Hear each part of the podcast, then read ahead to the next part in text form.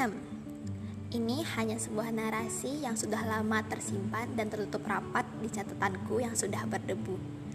Bertajuk khayalan namun nyata. Hari ini tepat setahun. Kau yang datang menghampiriku setelah mendengar pernyataan bodoh yang spontan keluar dari mulutku. Jika aku menyukaimu. Malu, tentu saja. Bersembunyi di balik meja menjadi pilihan setelah melihatmu benar-benar akan menghampiriku. Kupikir kau akan berbalik kembali setelah melihat tingkah anehku. Tapi ternyata kau malah ikut mengintip dengan senyum sumringah, kemudian mengulurkan tanganmu. Aku hanya terdiam sesaat. Bagaimana bisa seorang perempuan menyatakan perasaannya terlebih dahulu? Walaupun itu hanya pernyataan bodoh yang spontan keluar dari mulutku. Yang melihat tingkah lucumu, tidak mengunjungi kelasku. Tanganmu masih setia terulur, menunggu sambutan tanganku. Aku melirik sebentar, sebelum akhirnya meraih tanganmu dan keluar dari persembunyianku. Berawal dari saling lirik pada saat latihan nari, kini kita berhadapan, saling menggenggam dan tersenyum tanpa tahu apakah ini awal atau akhir perkenalan kita. Hari itu Jumat 8 November. Hahem. Senin 9 November 2020. Pukul 6 lewat 41. Masih pagi.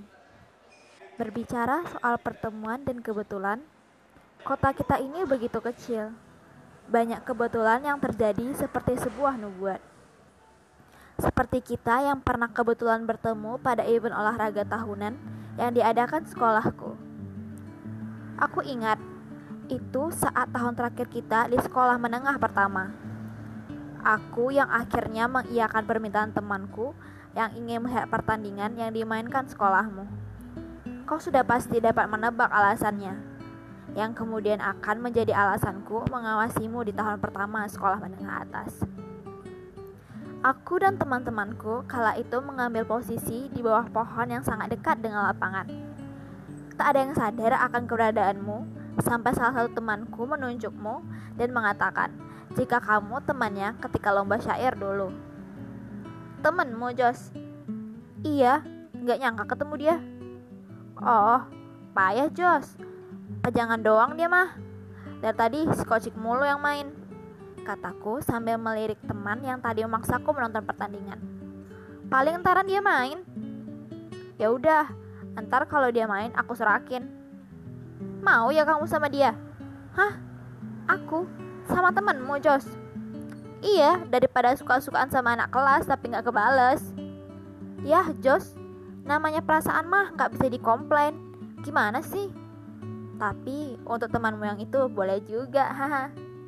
Aku membalas, kemudian kembali menonton pertandingan dan fokus. Itu adalah saat aku pertama kali melihatmu. Duduk di pinggir lapangan mengenakan seragam basket bertuliskan Asfa. Tanpa tahu kita akan seperti ini dua tahun kemudian.